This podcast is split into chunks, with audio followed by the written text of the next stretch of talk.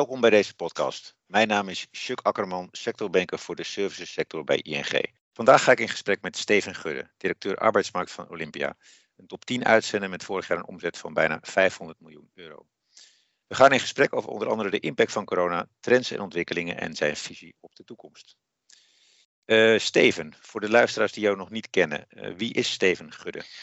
Wie is Steven Gudde, Chuck? Goeiedag. Um, ik ben uh, inmiddels meer dan 25 jaar actief in de wereld van, van werk. Ehm, of aan de bemiddelingskant of aan de advies, advieskant.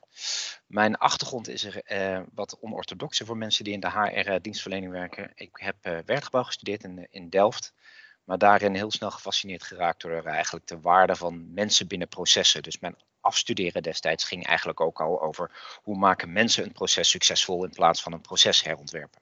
Uh, en daar ben ik uh, mijn hele leven inmiddels uh, al actief en gefascineerd door um, mens en werk, de relatie tussen mens en werk. Hoe hou je het goed? Hoe krijg je het bij elkaar? en als dat noodzakelijk is, hoe haal je het ook weer op een hele zorgvuldige manier uit elkaar als een situatie daar, daartoe leidt. Um, nou, wat ik zeg, inmiddels al zo'n kleine 25 jaar. Daar schrijf ik over, daar geef ik lessen over op de Hogeschool van Amsterdam. Um, ik mag in wat adviesraden mensen uh, helpen um, na te denken over de wereld van werk. En dat uh, doe ik ook voor Olympia. Mooi. En, en uh, ja, Olympia, waar staat Olympia eigenlijk voor? Um, Olympia, of wij bij Olympia, wij helpen nou, dagelijks, zo'n nou, ruim 15.000 mensen uh, aan het werk. En wij focussen ons in ons werk uh, als intermediair, als werkgever, op met name de uitvoerende praktische beroepen. Dus bij ons uh, werken heel veel mensen in de productie, in de contactcenterwereld, in de logistiek. Um, in de waste en, uh, en, afval. En dat doen wij vanuit um, onze overtuiging, en dat is waar we naar streven, dat wij eigenlijk willen dat iedereen in uh, zijn werk of in haar werk um, voldoening, maar ook een bepaalde mate van betekenis in zijn werk of haar werk ervaart. Dus wij zeggen ook wel, joh, uh, werk is de manier waarop je betekenis aan je leven geeft. Dan kan je er maar beter voor zorgen dat dat daadwerkelijk iets is wat voor jou belangrijk is of uh, in wat meer uh, simpele taal, dat je werk ertoe doet. Niet alleen voor je omgeving, maar met name ook voor jezelf. Um, en nou, dat doen wij in Nederland al ruim 50 eh, jaar inmiddels. Oké. Okay. Um, en even kijken, als we dan even naar corona gaan, hè, dat is mm -hmm. natuurlijk al een tijdje bij ons, uh, ja. begin vorig jaar. Ja, helaas. Ja, helaas inderdaad. Uh, begin vorig jaar zeg maar, uh, deed het zijn intrede. Mm -hmm. wat, wat, is, wat is tot nu toe de impact uh, van corona geweest voor, voor Olympia? Um, nou, misschien wel goed om het eerst even wat breder te trekken. Um, vanuit Olympia vinden wij sowieso dat in de dialoog en in het maatschappelijk debat flex en vast nog wel eens tegenover elkaar worden gezet. Ook als het gaat over waarde en kosten of eerste en tweederangs werk. Wat we natuurlijk gezien hebben in corona, is dat uh, flexwerk uh, extreem waardevol is gebleken. Voor, voor een deel vanuit uh, het helpen bedrijven om te gaan met risico's. sectoren die al dan niet noodgedwongen stil kwamen te staan en hun bedrijfsvoering daarop aan moesten passen. andere kant daarentegen ook. Je ziet natuurlijk ook sectoren die door corona enorme push hebben gekregen. Um, de e-commerce, uh, maar denk ook aan allerlei projecten direct corona-gerelateerde uh, uh, werk, bijvoorbeeld voor de GGD's en de testlijnen. En die zijn bijna helemaal opgevangen door Flex. Dus als corona ons iets geleerd heeft, is dat flexibilisering van arbeid in Nederland um, echt een plek verdient en waardering verdient, omdat ze waarde toevoegt. Als je het dan hebt over ons, corona voor ons, eigenlijk twee, twee delen daarin. Um, we hebben natuurlijk de impact van corona op onze eigen organisatie. Wij hebben ons relatief vroeg al uh, zijn we ons gewoon organiseren met, vanuit allerlei scenario's. Zelfs toen wij, ook wij nog spraken over corona als ja, dat is een soort griep en dat is in China en dat gaat aan onze deur voorbij. En toch hebben wij toen al allerlei scenario's gemaakt, wat nou als. Uh, dus we hebben onze eigen organisatie direct ingericht om op afstand te gaan werken. Dus wij waren ook binnen twee dagen, toen het moest, over naar uh, werken vanuit, vanuit huis.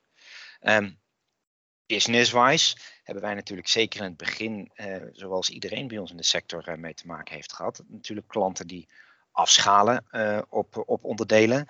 Daarmee drogen, drogen de toen opdrachten op. En wij, doordat wij eigenlijk al jaar op jaar bovengemiddelde groei laten zien, konden überhaupt geen aanspraak maken op de NOW. Dus wij konden dat op die manier niet opvangen. En dat is echt heel spijtig dat wij op dat moment onze uh, uitzendkrachten niet hebben kunnen, kunnen helpen. Aan de andere kant zie je dat wij door de keuzes die wij maken in de sectoren waar wij in opereren, wij zitten echt noem het maar even, de uitvoerende beroepen, wat ik zei, in de logistiek, in de contactcenterwereld, in de, de waste. Um, dat zijn de sectoren die ook in de verschillende corona-lockdowns die we inmiddels achter de rug hebben, bij de uh, cruciale beroepen horen. Uh, sterker nog, die kregen het alleen maar drukker. Um, dus wij hebben um, in het verleden heel duidelijk gekozen voor deze sectoren, omdat wij ervan overtuigd zijn dat dat sectoren zijn waar wij en heel goed in zijn, maar ook echt waarde in kunnen leveren, het verschil kunnen maken. En in deze coronatijd zie je dat dat de sectoren zijn waar heel Nederland um, een beroep op blijft doen om de BV Nederland te blijven draaien. Dus daar waar je misschien in het verleden het had over de onderkant van de arbeidsmarkt, voor zij die die lelijke term wilden gebruiken, blijkt dat echt het fundament van de BV Nederland te zijn.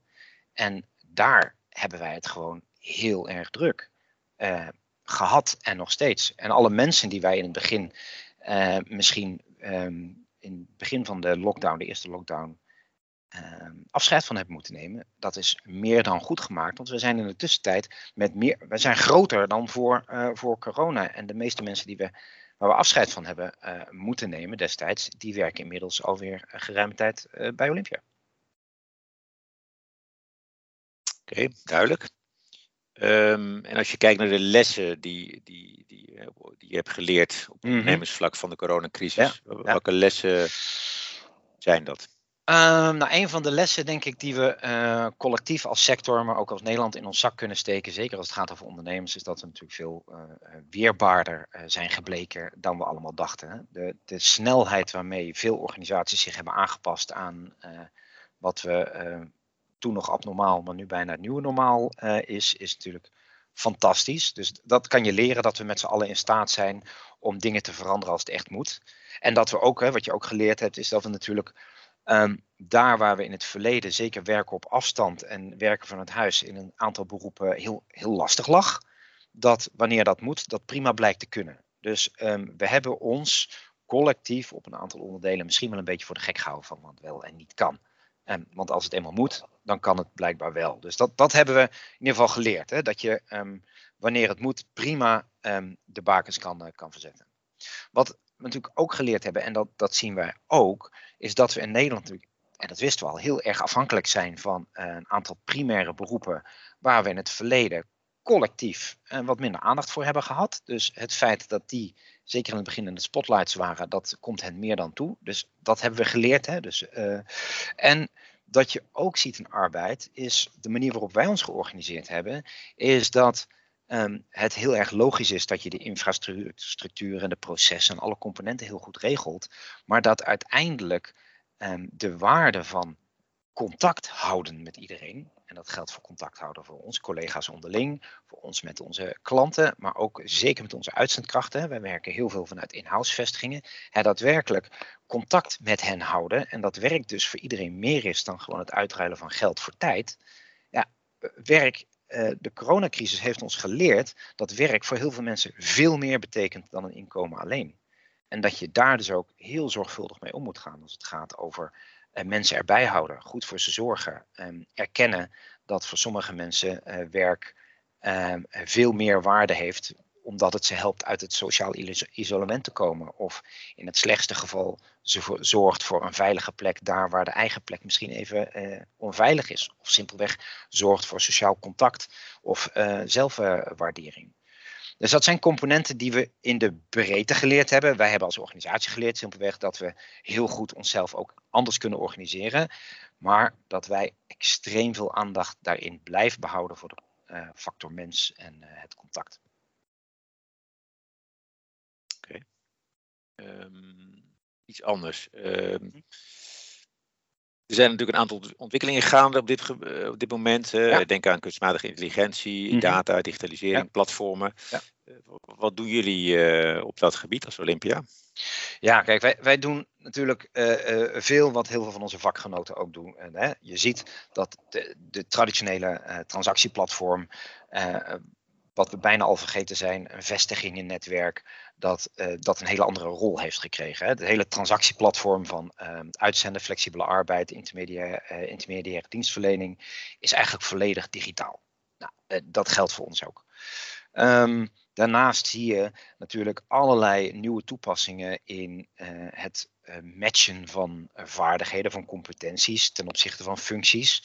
Dat je dat gaat doen op manieren die veel verder gaat en voorbij aan het cv gaat. Dus dat je op het gebied van skills en skillspaspoorts, hè, dat je naar een andere uniforme taal gaat. Daar speelt software een hele belangrijke rol.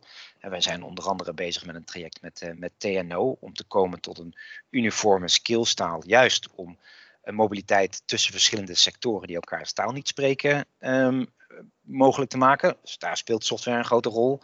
Um, maar ook toepassingen als ehm, gaming voor training, daar waar opleidingen van sommige groepen ja, groots of complex ervaren wordt, wil je misschien in kleinere modules of op een hele toegankelijke manier mensen vaardigheden aanleren. En dan komen bijvoorbeeld componenten vanuit gaming om de hoek kijken. Nou, dat zijn zaken daar zijn we mee bezig. En natuurlijk ons hele back-office en front-office systeem wordt permanent ja, ehm, bijna onder je handen verandert het. Omdat uh, wij net zo snel mee veranderen met de rest van de uh, technologische wereld als, de, uh, als onze vakbroeders. Oké. Okay. Zijn er nog dingen die jullie, waarin jullie onderscheiden van concurrenten op dit gebied? Je zegt van nou daar zijn wij op dit moment heel erg mee, mee bezig en dat is iets wat nou, anderen minder mee bezig zijn? Ja, het is altijd gevaarlijk om, uh, om heel hard. Uh, ik kan zeggen waar ik vind dat wij het verschil op maken. En dan mogen onze concurrenten en onze klanten uitmaken of ze dat de moeite waard vinden. Um, maar waar ik echt vind, en wij actief op inzetten, wij zijn een bedrijf waar we zeggen, joh, wij zijn digital first. net die, die, die transformatie en die transitie rond technologie die jij benoemde, dat is ook iets waar wij heel hard op inzetten. En, maar dat doen wij voornamelijk omdat wij extreem veel ruimte willen houden voor het, noem het maar, het echte gesprek. Daar waar we ook zeiden je, corona heeft ons geleerd dat de waarde van werk voor mensen veel verder gaat dan die uitruil van uh, arbeid voor geld. Um, dan zeggen wij, joh, dat werk moet betekenis hebben. Dat betekent dat je die verbinding, dat je dat gesprek, dat je die elementen, dat je daar ruimte voor moet creëren in je, in je proces. Dat kan als je een hele hoop deel van je processen automatiseert, waardoor je ruimte maakt voor die persoonlijke component. Um, dat is ook iets wat ingeweven zit in ons hele uh, bedrijf. Dat geldt voor onze medewerkers hier uh, op kantoor, waar ik uh, nu ben, in een leeg kantoor helaas. Um, het aansturen op snappen waarvoor je dagelijkse bed uitkomt, is hetzelfde gesprek wat wij intern voeren, waar iedereen bij ons intern op wordt uitgedaagd, als de vraag die we stellen aan onze uitzendkrachten en onze flexwerkers van joh, waarom kom jij je bed uit? En het maken van die match, daar gebruiken we heel veel technologie bij, maar de basis daarvan zit uiteindelijk gewoon in het gesprek. En wij onderscheiden ons daarin dat wij dat een hele dominante plek geven in ehm, wat wij doen en hoe we ons gedragen naar klanten en naar onze flexkrachten. Dat we de waarde van werk daarin heel dominant uh, maken. En dat we steeds vaker het uh, debat aangaan over ja, welk verschil kunnen wij hier nu maken? Niet alleen voor de klant van onze klant, maar voor de flexwerkers die uiteindelijk voor die klanten het verschil moeten maken. Uh, en dan komen veel meer componenten rond werkgeverschap, rond opleiden, rond duurzame arbeidscontracten, rond andere vormen van dienstverbanden. Um, om de hoek kijken waarbij je eigenlijk afscheid neemt van je rol als intermediair en zegt, joh, wij zijn gewoon een werkgever. Dat zijn we voor jou en voor een klant zijn wij dienstverlener. En we zitten er niet tussenin. We zijn afhankelijk wanneer je met ons praat, de een of de ander. Okay, en een andere belangrijke ontwikkeling is, uh, is natuurlijk duurzaamheid uh, mm -hmm. in de maatschappij. Ja. Uh, nou, je gaf net ook al wat. Uh, kwam het ook al een beetje op, op duurzaamheid. Mm -hmm. wat, wat, wat, doen jullie op het gebied van duurzaamheid? En, en wat voor verdere stappen willen jullie daar eventueel nog in, in zetten? Ja, nou, kijk, duurzaamheid uh, is iets, daar moet je niet te veel over praten, daar moet je vooral doen. uh, waarbij het heel evident is dat je als bedrijf, ook als ons bedrijf, ook al zijn we een dienstverlener en geen productiebedrijf, je maximaal inspant om je milieubelasting te verminderen. Dat doe je door keuzes in gebouwen, CO2-neutraal uh, gebouw, door uh, keuzes die je maakt in wagenpark, in uh, inkopen in allerlei componenten. Maar de essentie bij ons is natuurlijk dat wij ons moeten realiseren dat onze component van duurzaamheid zit op de duurzaamheid van de mens als het gaat over duurzaam mee kunnen blijven doen in de arbeidsmarkt. Duurzaam de aansluiting houden op de arbeidsmarkt. Dat wij mensen die die aansluiting missen, um, of op wat voor manier dan ook um, aan de kant zijn komen te staan, dat we die helpen. Uh, wij helpen op jaarbasis uh, uh, zo'n vijf, tenminste afgelopen jaar zo'n 2500 uh, mensen aan het werk met afstand tot de arbeidsmarkt. Wij hebben een PSO Trade 3 certificering. Dat is omdat wij er oprecht van overtuigd zijn. En dat is wat wij ademen in alles wat wij doen. Dat wat wij doen uit te leggen moet zijn. En dat onze bijdrage aan een duurzame wereld is zorgen dat iedereen mee kan blijven doen. En, en ja, dan moet je ook gewoon zorgen voor je milieu-impact en voor al die andere dingen. Maar wij kunnen het verschil maken daar waar het gaat over mensen. Dus als je ons een maatschappelijk jaarverslag of onze uh, uh, ambitie daarop ziet, zie je heel veel dingen waarvan je zegt, joh, dat doet de rest ook. Nou, dat mag ik hopen dat de rest dat ook doet als het gaat over uh, duurzaamheid en milieu. Maar wij maken echt het verschil als het gaat over mensen die het verschil moeten maken. Ja, dus vooral de, de people kant, zeg Absoluut. maar, waar je op focussen. Los dat we, uh, neemt niet weg dat we de rest natuurlijk heel zorgvuldig meenemen. Maar daar kunnen wij het verschil niet op maken. Duidelijk. Um, iets anders. Um, eerder dit jaar gaf Cito de Leeuw, voorzitter van mm -hmm. ABU, aan dat de inleebehoefte van werkgevers de, de, komende vijf jaar kleiner wordt. Uh, de flexibus ja. zal slinken tot maximaal 20% van het aantal werkenden, uh, ja. gaf hij aan. Hoe ja. kijk jij daarnaar? Uh, nou, Cito eh, baseert zich op een, eh, op een onderzoek eh, wat gedaan is door TNO, een opdracht van de ABU. Dat gebeurt één keer in de zoveel, één keer in zoveel tijd. Ehm, en, en dat onderzoek leert een aantal, leert een aantal dingen. en dat kwam overigens breed in het FD. En ik heb destijds samen met Wim Davids daar um, een repliek op geschreven. Omdat wij dachten dat de essentie van dat artikel eigenlijk de verkeerde was. Als je kijkt naar flex in Nederland, flex in Nederland in de breedte zin zal niet afnemen. Gaat gewoon niet afnemen. Waar het wel over gaat, en dat is in dit artikel, dat de verschijningsvorm van flex in Nederland zal afnemen. Want wij zullen in Nederland vanuit bedrijven altijd een behoefte bestaan om zich um, weerbaar of lenig te organiseren. En daar is altijd een zekere mate van flexibilisering voor nodig. Alleen de oplossing die daarvoor gekozen wordt, um, daarvan zie je dat daar wel een shift in plaatsvindt. En heeft de wetgever een, uh, een, een belangrijke rol in of invloed op. Maar je ziet wel, en dat is waar uh, um, CITO ook sterk op gequote werd, is dat de externe flex vanuit, nou, je kan zeggen gewoonte of vanuit het verleden om externe flex met name leidend te laten zijn in het flexibiliseren van je bedrijf. En dat die externe flex dan ook nog eens een keer uh, voor een groot deel moet bestaan uit um, uitzendkrachten dat daar een kanteling in zit. Dus je ziet dat bedrijven gaan zoeken naar andere manieren om zichzelf flexibel in te richten. Uh, en dat de vorm waarin uh, ze dat gaan doen, zal gaan afwijken van zoals dat, uh, zoals dat nu gebeurt. Maar dat flex afneemt in tijden van recessie, ja dat klopt. In tijden van hoogconjunctuur namelijk ook. Hè. Als de hoogconjunctuur is, zie je het aantal vaste dienstverbanden aantrekken. Je ziet dan flex altijd iets zakken. Na hoogconjunctuur komt helaas meestal uh, een krimp of recessie. Dan zie je flex vaak ook krimpen. En dan zie je bij aantrekkende groei flex weer direct doorschieten. Um, dat patroon is van alle tijden. Um, en dat zie je ook in de afgelopen jaren. Wat we wel zien is dat in het maatschappelijk debat vanuit de SER, vanuit uh, de nieuwe wetgeving, vanuit het sentiment en vanuit het feit dat we ook corona ons geleerd heeft dat onze overtuiging over werk en alle gewoontes vanuit werk, dat die prima ter discussie gesteld kunnen worden. En dat uh, werkarrangementen ook prima anders kunnen zijn en nog steeds van waarde kunnen zijn, zal je zien, en dat is uh, uh, onze en ook mijn overtuiging, dat flex weliswaar gaat toenemen, maar niet de verschijningsvorm zal hebben zoals we hem nu zien. En dus die mix gaat, gaat anders worden. En, en, en hoe, zie je dan dat, hoe denk je dan dat die mix eruit gaat zien de komende vijf jaar? Nou, je, uh, uh, we plaatsen natuurlijk heel vaak uh, in de dialoog, en dat doet de SER overigens ook, en, en heel veel andere publicisten, het vaste dienstverband naar het flexe dienstverband. En je ziet dat de SER heel erg stuurt op het, het grote verschil tussen die twee dingen kleiner maken. En ik denk dat je dat gaat, gaat zien. Dat je daarbij ook ziet dat werkgevers gaan ontdekken dat ze op onderdelen zelf flexibilisering slim kunnen inrichten door ander type contracten aan te gaan, door breed te scholen, door permanent te ontwikkelen mensen, en noem het maar een beetje echt langs de lijn van strategische personeelsplanning uh, te gaan uh, acteren. Niet alleen maar daarover te denken, maar er ook over te acteren. En dat aan de andere kant flex als uitzender, zoals we dat nu zien, um, het appel op de sector van joh, ga je werkgeversrol nou eens nemen, zal groter worden. en dat is een, een, een debat wat zich binnen onze sector wel uh, afspeelt.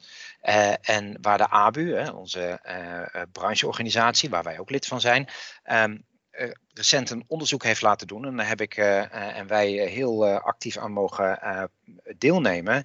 werken in 2030, waarin ze een aantal actoren die invloed hebben op de wereld van werk en beeld hebben gebracht. En dat uiteindelijk hebben terugvertaald naar een viertal scenario's waarin de wereld uh, van werk zich zou kunnen bewegen. En dat afgezet langs een aantal pijlers van meedoen, welzijn en economie. En daar hebben wij met z'n allen dan, zeg je, als dit de scenario's zijn zoals die zich kunnen ontrollen, welke rol willen wij dan als sector, willen wij als Olympia, als uh, werkgever en dienstverlener op het gebied van flexibilisering van arbeid, hoe willen wij dan onze rol daarin spelen? En daar staan we uh, aan het begin van een heel fundamenteel uh, gesprek in de sector. Van ja, hoe willen wij onszelf eigenlijk ontwikkelen? Uh, het is wel duidelijk dat het appel op de uitzendsector of de flexsector uh, om de rol van werkgever veel zorgvuldiger en duurzamer in te vullen, die, die roep die zal steeds duidelijker en harder doorklinken. Oké, duidelijk. Um, nou, we hebben het al even over wat, wat, trends en ontwikkelingen gehad. Wat zijn volgens jou de belangrijkste trends en ontwikkelingen op dit moment uh, in de sector in Nederland en ook wereldwijd? Wow, we hadden een half uur, hè, laten toch? We, laten, we focussen op Nederland. Ja, um, daarin vertel ik niet heel veel nieuws als uh, wat denk ik een hele hoop van jouw gesprekspartners uh, vertellen. De, de krapte op de arbeidsmarkt is geen tijdelijk gegeven. Dat is een, een structureel karakter. Dat betekent dat wij ons als werkgever of partijen die in die dienstverlening van intermediaire diensten actief zijn, dat we ons moeten bezinnen op, joh, wat betekent dat nou? En wat betekent dat voor mobiliteit over sectoren heen? Wat betekent dat voor het gaan denken in het werven van skills in plaats van cv's? Wat betekent dat voor opleidingen? Wat betekent dat voor mensen die we nu uh, niet in beschouwing nemen voor allerlei banen, uh, maar die je toch echt serieus moet gaan overwegen, omdat ze er simpelweg anders niet zijn. Hè. Dus krapte is, is zo'n grote beweging. Uh, technologie, technologie in onze sector is er één. Technologie bij onze klanten is er één. Die maakt dat de eisen die gesteld worden aan mensen steeds veranderen. Dus dat je daar moet bijblijven. Maar dat zal op onderdelen ook leiden tot verdringing. Dat functies waarvan we denken dat die voorlopig wel blijven bestaan, eh, ophouden te bestaan. Uh, dus uh, mensen meehelpen om de transitie als gevolg van techniek, technologie te maken, is voor wat mij betreft een opdracht voor onze, voor onze sector. Waarbij het opmerkelijk zo is dat de technologie op het ogenblik met name de impact heeft over die beroepen waarvan we zeiden, die voorlopig niet. Hè. Het zijn de uitvoerende beroepen die eigenlijk niet zo geraakt worden. Het zijn de hoogopgeleide beroepen die niet zo geraakt worden. Maar het zijn met name noem het maar, het repeterend cognitief administratieve werk, waar um, de technologie uh, ontzettende impact heeft. Nou, die mensen moeten we helpen een nieuwe plek op de arbeidsmarkt te vinden. Um, flexibilisering, hebben we het net over gehad, is een van de trends. Zet door, alleen op een wat andere vorm. Um, en uh, eentje die ja, soms een beetje naar de achtergrond duikt, omdat die uh, bijna te modieus klinkt en daardoor bijna geen trend genoemd worden, maar misschien zelf wel de trek van een hype begint te krijgen, is dat de component relevantie of betekenis van werkgeverschap en voor heel veel mensen op de arbeidsmarkt het kunnen uitleggen waarom je doet wat je doet, steeds belangrijker wordt om überhaupt relevant te blijven in deze, in deze wereld. En dat is een uh, beweging die um, ook voor werkgevers natuurlijk cruciaal is. Als jij niet kan uitleggen waarom je bestaat, en dat die uitleg inderdaad ook verder gaat dan een mooi marketingverhaal of een hele hippe slogan. Ja, dan heb je in een markt die zo krap wordt, waarbij de regie voor werk uh, eigenlijk bij de werkzoekende ligt, niet zoveel te zoeken. Um, dus hè, uh, krapte, technologie, uh, flexibilisering, relevantie. Um, nou zullen we het maar even niet over polarisatie hebben. Dat is er natuurlijk ook één waar we echt mee te maken krijgen, ook hè, in de wereld van werk. Dat de one size fits all benadering, nou die werkte nooit, maar die werkt nu al helemaal niet meer. Uh, en zo hebben we natuurlijk heel veel bewegingen. En je ziet wel, want je vroeg ook wereldwijd. Um, ik ga niet oordelen over de rest van de wereld, maar je ziet wel langzaam een hele groot verschil ontstaan tussen um, de trend om weer heel erg lokaal en regionaal georiënteerd te zijn. Ook in werk en in werkafstanden. Um, en het grote internationale, internationale denken. En dat lijken langzaam twee werelden die elkaar ook niet meer zo goed begrijpen. Waar tussen de uitwisseling van mensen tussen die werelden ook niet meer zo hard gaat plaatsvinden. Oké, okay. um, ehm, even kijken. Dan, dan naar de, de kansen en bedreigingen. Uh, mm -hmm. Wat zijn volgens jou de belangrijkste kansen en bedreigingen voor de sector in Nederland de komende tijd? Uh, Wetgeving heb je al even genoemd natuurlijk. Ja, dat is iets wat, uh, wat, wat speelt. Uh, ja, dat, dat is een bedreiging, maar is ook een kans. Hè. Je kan natuurlijk ook uh, uh, de WAP, de Wet Arbeidsmarkt in Balans, kan je zien als een bedreiging, omdat het echt wel kosten opdrijvende componenten in, in diezelfde wet zitten. En er zijn collega's van jou die ook een rapport hebben gepubliceerd waarin staat, joh, die WAP die werkt helemaal niet, want zie je nou wel, er zijn helemaal niet veel meer extra uh, nieuwe vaste banen gekomen. Wij betogen, en ik, ik betoog, en dat heb ik destijds ook in een artikel uh, geschreven, is dat die WAP op onderdelen heel goed werkt. Want wat waar de WAP voor gezorgd heeft, is dat het de dialoog boven tafel heeft gebracht over waarom je eigenlijk flex wil inzetten. Dus het automatisme, we zetten flex in, maakt de wetgever en de WAP en de voorstellen die in de SER-advies uh, zitten, die gaan nog een stapje verder. Dwingen ons in de dialoog om heel hard na te denken waarom en wanneer je flex inzet. Um, en wanneer het van waarde is of wanneer je het alleen maar doet om kosten te besparen. Nou, dat laatste is sowieso een discussie waar wij enorm van willen wegbewegen. Um, die wordt al veel te veel gevoerd in onze sector. Dus een bedreiging van onze sector is dat wij uh, onszelf gaan positioneren langs de as van kostenbesparing en uh, efficiency. En, en eigenlijk het pad blijven lopen wat we altijd al deden. Een kans zit erin om de dialoog geholpen mogelijk zelfs door krapte en geholpen door wet, veranderende wetgeving gaan verschuiven naar de waarde van werk. En dat je dus ook daadwerkelijk gaat laten zien dat je als dienstverlening iets toe kan voegen aan je klanten en dat je als werkgever iets toe kan voegen aan je medewerkers. En daar de ogen voor sluiten, dat is een bedreiging.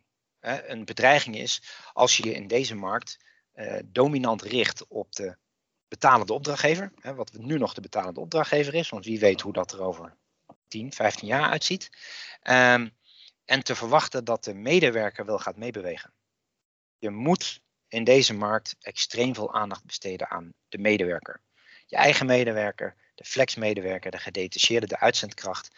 Maar daar heb je voor te zorgen. Dus uh, het is een bedreiging als je denkt dat je als deze uh, coronacrisis voorbij is, um, weer kan terugvallen in je oude patronen en dan denken dat je uh, gewoon weer krijgt wat je kreeg.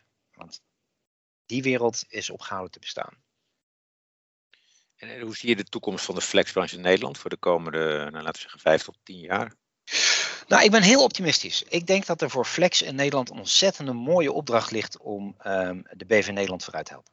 Wij vanuit Olympia zeggen dan, uh, wij willen de maatschappelijke transitie naar werk van betekenis leiden. En dat is geen grootspraak, dat is ook echt een ambitie die wij willen. Uh, wij hebben als flex sector hebben de in corona, maar ook daarvoor aangetoond dat wij juist in staat zijn om uh, mobiliteit op de arbeidsmarkt te organiseren en uh, te faciliteren. Als er iets nodig is in deze uh, um, tijd en ook in de toekomst, is om mensen over sectoren heen, over banen heen, over traditionele hiërarchische carrièrepaden heen, of daar dwars doorheen, naar werk te helpen. En om mensen die een afstand tot de arbeidsmarkt hebben, heel laagdrempelig toegang tot de afstand uh, tot de arbeidsmarkt te geven. Nou, daar, weet je, daar, hebben wij een enorme grote opdracht te vervullen als, uh, als flexsector om juist daarbij te helpen. En om onze klanten te adviseren hoe zij kunnen komen tot een optimale mix tussen flexibilisering die ze zelf inrichten en flexibilisering waar je externe voor gebruikt. En dat kan flexibilisering zijn vanuit capaciteitsoogpunt, wordt gewoon heel piek en dalen opvangen. Uh, um, of flexibilisering daar waar het uh, beschikbaarheid van kennis is, of het delen van, van kennis. Nou, wij zijn natuurlijk een sector die daar groot is geworden om die bewegingen mogelijk te maken. Aan ons om um, daar het verschil in te gaan maken. Dan heb ik nog een laatste vraag voor je, Steven. Eh, ja. Uh, het gaat snel. Heb je nog tips voor andere uitzendondernemers? Ja, ik zei uh, en toen ik hierover na aan denken was, ehm, van joh, welke tips heb ik nou? Als ik een hele goede tip heb, dan hou ik hem voor onszelf. Um, maar uh, dat geheel terzijde. Nee, de, de, de tip voor onze sector is, wat ik net ook zei, is dat we ons moeten realiseren dat de, weer, dat de wereld structureel verandert. doet hij altijd. Maar corona heeft echt een aantal fundamenten in beweging gebracht. En daar heb je rekenschap van uh, te nemen. Dat je ook als sector en iedereen binnen de sector hele bewuste keuzes moet maken over waar ze op in willen zetten. En dat ze daar ook in volharden ook als het even een beetje tegenzit. Er is niet zo, denk ik, bedreigend voor uh, een onderneming in onze sector om afhankelijk van waar de wind waait je koers bij, bij te stellen. Dat maakt je ongeloofwaardig. Dat maakt je ook naar medewerkers ongeloofwaardig. Daar waar ik het over had, dat uh, relevantie, betekenis, waarachtigheid. Weet je, het moet wel oprecht zijn. Anders geloven werkgevers uh, je niet, maar nog veel belangrijker, dan geloven werknemers en potentiële werknemers je niet. Dus mijn uh, tip is, maak duidelijk waarvoor je staat en sta er dan ook voor. Nou, dat is een mooie tip om, uh, om dit gesprek mee af te sluiten. Hartelijk dank voor dit gesprek, Steven Gudde van Olympia. En voor de luisteraars, dank voor het luisteren. En voor andere podcasts verwijs ik je graag naar ing.nl.